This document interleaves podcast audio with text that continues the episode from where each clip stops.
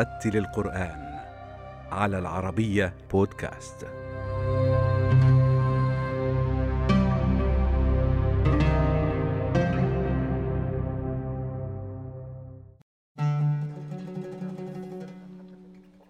ولد القارئ الألماني من أصل مصري مصطفى علي خميس في كفر الزيات بمحافظة الغربية بمصر شرع في حفظ القرآن الكريم في سنوات طفولته الأولى قبل التحاقه بالأزهر الشريف مكرسا اهتمامه بالقرآن الكريم وإتقانه على يد كبار شيوخ الإقراء في مصر. التحق بكلية اللغات في الأزهر متخصصا في الدراسات الإسلامية باللغة الألمانية. أنا حفظت القرآن في الأزهر ولما يعني انتهيت من المرحلة الثانوية كنت قد انتهيت من القرآن كاملا. وبعد ذلك بدأت أن أثبت هذا الحفظ فيعني زرت أحد المشايخ حفظه الله وتعلمت على يديه أو يعني بدأت أتقن القرآن على يديه وبعد ذلك بدأت في المرحلة الجامعية أسمع الكثير من القراءات والمقامات فبدأت يعني أسمع من أصحابي الذين كانوا يصلون في المدينة الجامعية. وبعد ذلك تعلمت المقامات فيعني وجدت أن موضوع المقامات مهم جدا لأي إمام لكي يوصل المعلومة للمستمعين أو للمأمومين أو لكي يوصل القرآن يعني للمأمومين. ثم بعد ذلك يعني في مركز الدكتور المعصراوي تعلمت يعني أخذت منه إجازة في رواية حفص عن عاصم ومن وأخذت كذلك يعني بعض الإجازات في قراءات القرآن الكريم مثل مثلا رواية ورش عن نافع قراءة ابن كثير براويه البزي وقنبل وهكذا يعني بدأت يعني أهتم بالقراءات والمقامات ويعني بدأت يعني الحمد لله كانت يعني هناك مرحلة من الإتقان للحفظ والقراءة في هذا الوقت. هناك نتعلم أو تعلمنا الدراسات الإسلامية باللغة الألمانية ومنها كذلك يعني علوم القرآن من الفقه والحديث والتفسير وال وأصول التفسير وأصول الحديث وكل هذه الأشياء تعلمناها يعني باللغة الألمانية وكذلك باللغة العربية والحمد لله يعني يعني منذ هذا الوقت وكنت قد التحقت بطريق يعني بطريق آخر أو يعني إن أنا أثبت حفظي للقرآن الكريم أثبت كذلك المقامات الإتقان وهكذا. والحمد لله يعني هذا لم يؤثر على الدراسة والدراسة بالعكس يعني أعانتني على ذلك يعني لأن الدراسة كانت دائما في مجال الإسلاميات هي كانت باللغة نعم ولكن اللغة لم تكن يعني عائقا في طريقي. يعني أنا أحب الشيخ محمود علي البنا في تلاوته يعني في ترتيل وتلاوة لكن تلاوة الشيخ محمود علي البنا أثرت في كثيرا. أحب كذلك يعني من يعني أحب الترتيل المصري يعني مثلا من الجامع الأزهر أحب المشايخ أو أو قراء الأزهر. لأنهم يعني يدخلون على القرآن أو على المقامات يعني شيئا جديدا. لو أنزلنا هذا القرآن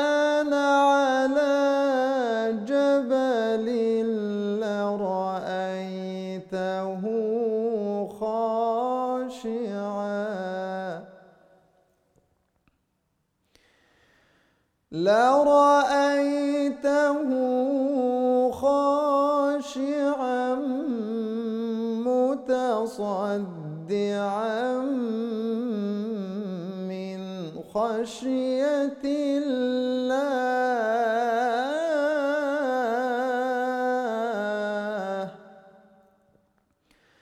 وتلك الأمثال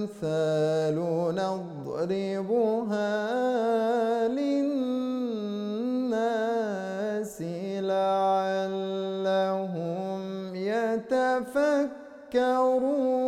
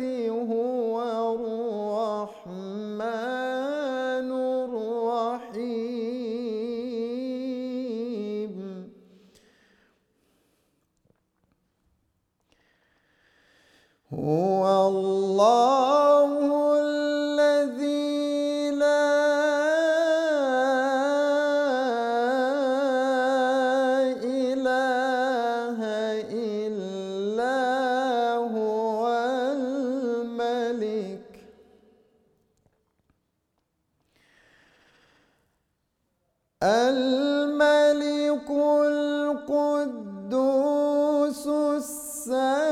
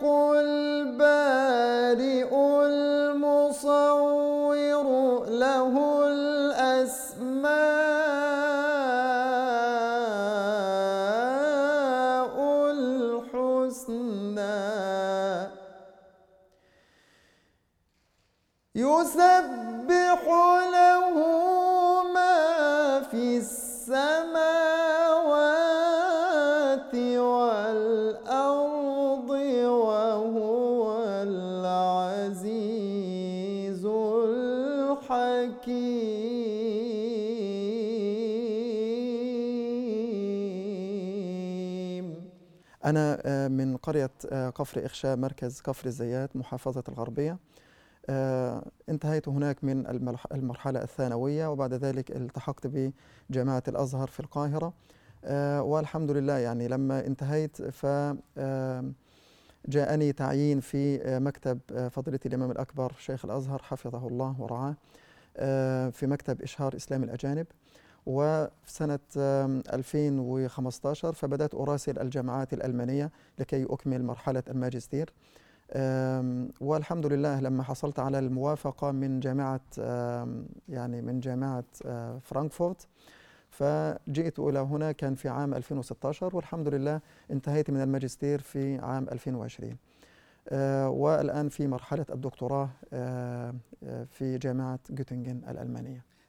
الدراسات الإسلامية هنا في ألمانيا يعني فيها يعني أن الإنسان يدرس هنا إذا عنده ربما طرق في البحث جديدة آه، غير التي تعلمها ربما آه، في يعني في مرحلة ال- آه، الليسانس أو مثلا في المرحلة الثانوية أو أو هكذا. يعني هو هنا في ألمانيا آه، بيدرس الإنسان آه، أو بيتعلم الإنسان آه، طرق في البحث وعنده مراجع ربما حتى غير موجودة في آه، البلاد الأخرى. ويعني طريقة التدريس هنا حتى مثلا في الماجستير والآن في مرحلة الدكتوراه يعني الإنسان بيتعلم آه، أشياء آه، كثيرة جدا. يعني أعتقد أن كل إنسان بيستفيد منها يعني. هو هنا في آه، مثلا الحضارة الإسلامية ربما الإنسان آه، يقرأ بعض الكتب عن الحضارة الإسلامية أو آه، عن التفسير الحديث الفقه العقيدة أو أو إلى آخره. البروفيسور أو الدكتور اللي بيدرس هذه المادة حتى يعني هو ربما يكون مسلم أو غير مسلم لكن لو حتى لو هو غير مسلم وهو أستاذ للدراسات الإسلامية آه، طريقة ال- التدريس تكون عبارة عن إن هو يقدم آه، ما في الكتب. يعني في هذا الكتاب وجدنا كذا وفي هذا الكتاب وجدنا كذا.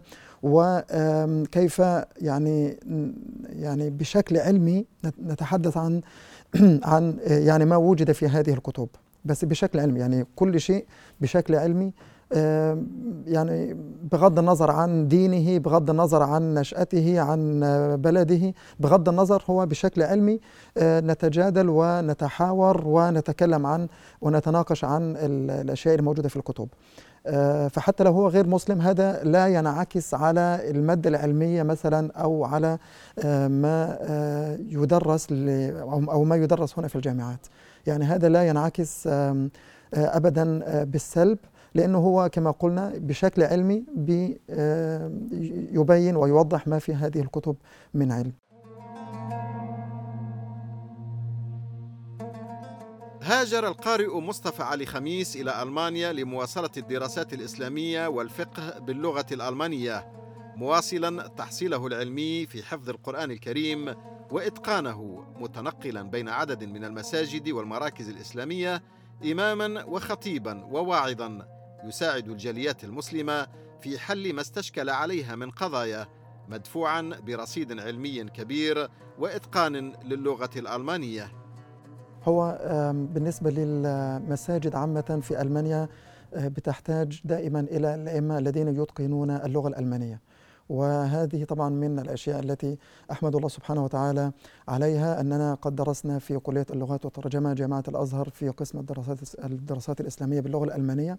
وبالتالي لما جئنا إلى هنا كان هذا ثروة هائلة بالنسبة لي بالنسبة للمساجد في ألمانيا عامة لأنهم وجدوا أن هناك إنسان درس الدراسات الإسلامية بشكل يعني مبسط جدا وبشكل وسطي يعني بدون أي نوع من الإفراط أو التفريط أو التشدد آه، خلافا لما آه، يصدر من أفكار أن مثلا هناك التشدد و آه، يعني الإفراط أو التفريط في الدين لكن الحمد لله الأزهر فالأزهر فيه دائما العلم آه، الوسطي أو الدين الوسطي آه، وكذلك جعلناكم أمة وسطا.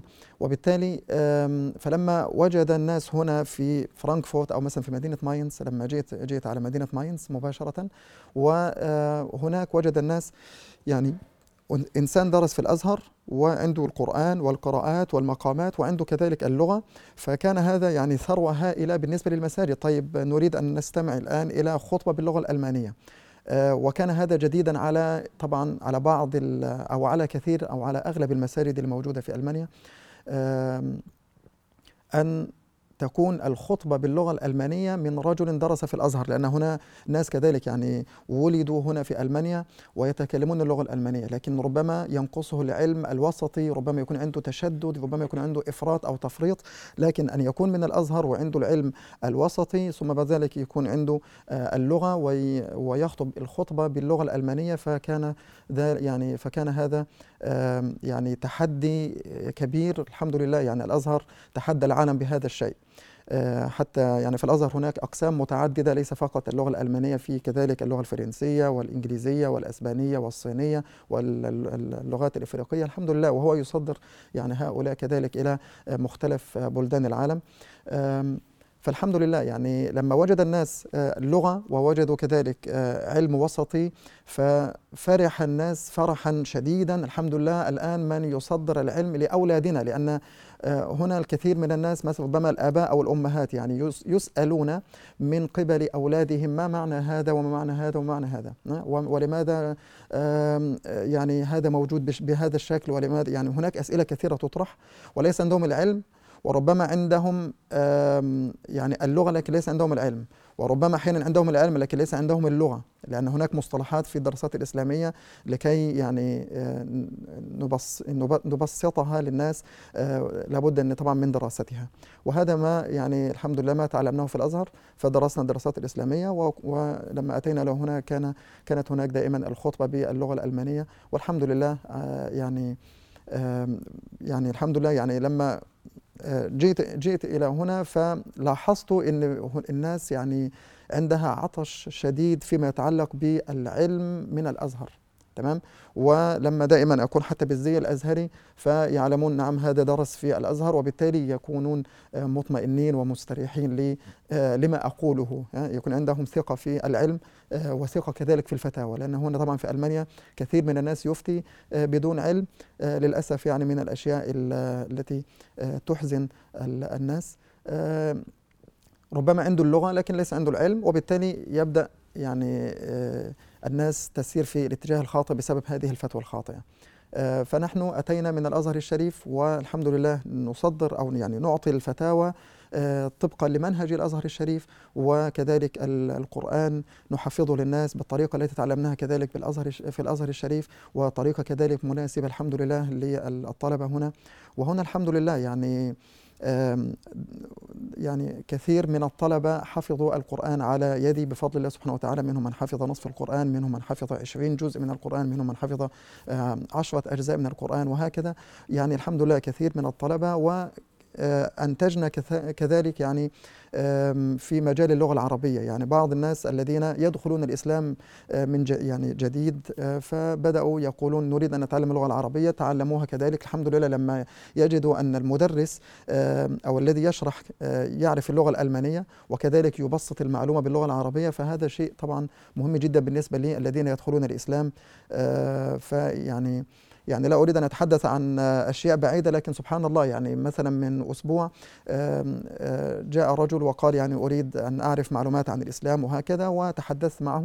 ثم قال الحمد لله يعني أن الأزهر آه، يعني يعني أو أرسلكم وهكذا فعندكم من العلم يعني العلم الوسطي. ثم آه، كذلك اللغة وبعد ذلك أراد أن يتعلم اللغة العربية وهنا كذلك في المساجد دروس اللغة العربية و بالنسبة للطلبة يعني. هو ال- الإمام في ألمانيا آه، أو ربما في الغرب عامة ليس دوره مثل آه، مثل مثلا في بلادنا. هو إمام فقط في المسجد يخطب الجمعة يؤ- يؤم الناس آه، وهناك من يعطي الفتوى وهناك من آه، ربما يعني الإمام هنا في ألمانيا يفعل كل شيء. يعني مثلا يصلي بالناس والخطبة ولو هناك فتاوى هو مسؤول عن ذلك. آه، ولو آه، هناك مثلا حتى يعني آه، الزواج والطلاق وال- والعقيقة ويعني حينما يولد مولود حينما يموت إنسان الإمام موجود دائما في كل مجالات الحياة من أولها إلى آخرها آه، في ألمانيا أو في أوروبا عامة. وهذا طبعا يعني عبء على الإمام وثقل على الإمام. يعني الإمام يحتاج فعلا إلى آه، وقت كثير ل طبعا آه، يعني آه، آه، يعني آه، لإرضاء كل هذه المراحل. كقارئ الإمام في المسجد طبعا ربما تكون هناك مثلا أمسيات دينية يقرأ فيها القرآن يستمع المصلون. ربما يكون كذلك موضوع تحفيظ القرآن في المساجد. الإمام دوره كقارئ مهم جدا في تحفيظ القرآن آه، لأبناء آه، للأبناء أو يعني للطلبة الذين لا يتحدثون كذلك اللغة العربية. آه، الإمام يعني يعني حينما يعلم الناس إن عنده مقامات فكذلك يأتي الناس ويقول والله أنا أريد أن أتعلم يعني هذه المقامات كذلك يعني. يا أيها الإنسان ما غرك بربك الكريم؟ الذي خلقك فسواك فعدلك. في أي صورة ما شاء ركبك. كلا بل تكذبون بالدين. وإن عليكم لحافظين كراما كاتبين يعلمون ما تفعلون. إن الأبرار لفي نعيم وإن الفجار لفي جحيم. يصلونها يوم الدين وما هم عنها بغائبين وما أدراك ما يوم الدين ثم ما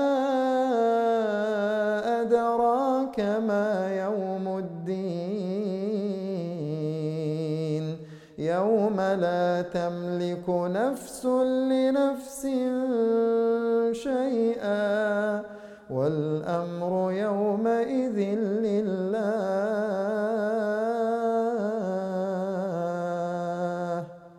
هو بالنسبة لرمضان في أوروبا يعني أو في ألمانيا خاصة لابد أن نحدث في المساجد أو في الأسر والعائلات آه، هذا الجو وإلا يعني إن لم نحدث هذا الجو الرمضاني فلن نشعر بأننا في رمضان أصلا لأنك حينما تذهب يعني تمشي في الشارع يعني بما أن أغلب الدولة غير مسلمين وبالتالي تجد يعني ليس هناك الأجواء الرمضانية من مثلا قراءة القرآن في الشارع الناس في البلاد الأخرى ربما يفتحون المصاحف في المواصلات ويقرؤون القرآن كثيرا وتجد الأجواء الرمضانية هذه الأشياء غير موجودة في ألمانيا يعني في الشارع وبالتالي لابد أن نحدث هذا في المساجد وفي الأسر والعائلات يعني في بيوتنا. في المساجد الحمد لله يعني هناك في بعض المساجد تقام حلقات القرآن الكريم مثلا بعد صلاة آه، الفجر. آه، يجتمع الناس يقرؤون القرآن ويصلون صلاة الضحى يذهبون إلى أعمالهم. هناك المحاضرات بعد صلاة العصر بعد صلاة آه، الظهر كذلك يعني بيكون درس في الفقه درس في الحديث درس في التفسير سواء باللغة العربية أو باللغة الألمانية بالنسبة للشباب. كذلك يعني نفعل الحمد لله درس مخصص للشباب لقضايا الشباب القضايا التي تهم الشباب ونكلمهم الحمد لله كذلك باللغة الألمانية ونتحدث عن المواضيع الشائكة في حياتهم. هم حتى من يقترحون هذه المواضيع ونتكلم معهم ونخصص لهم آه، برنامج حتى في سواء في رمضان أو غير رمضان لكن في رمضان نشدد على آه، هذه النقطة يعني موضوع البرامج والدروس اليومية من حديث وتفسير وفقه بحيث أن نربط الناس بالمساجد في رمضان يعني لكي يكون هناك الجو الرمضاني المعهود حتى مثل في بلادنا. آه، حتى وبعد ذلك يأتي مثلا آه، الإفطار. أحيانا بيكون في إفطار في المسجد. طبعا في وقت كورونا الموضوع صعب لكن في هناك أحيانا بيكون آه، في إفطار في المسجد إفطار جماعي. وبعدها نصلي العشاء ونصلي التراويح. كذلك في صلاة التهجد في محاضرة بين صلاة التراويح كذلك يعني لمدة مثلا عشر دقائق ربع ساعة أه، باللغة العربية والألمانية كذلك. الحمد لله يعني أه، بيكون في برنامج مكثف للمصلين. وفي البيوت يعني نحث الناس على أن يعني يقدموا ذلك للأبناء آه، بحيث إن يعني يشعر الأبناء إن نعم نحن في شهر رمضان والاجواء يعني الآن غير الأجواء في قبل شهر أو وهكذا يعني. الحمد لله ففي رمضان بيكون في جهد مكثف أو جهود مكثفة في المساجد وكذلك في البيوت وبين الأسر والعائلات.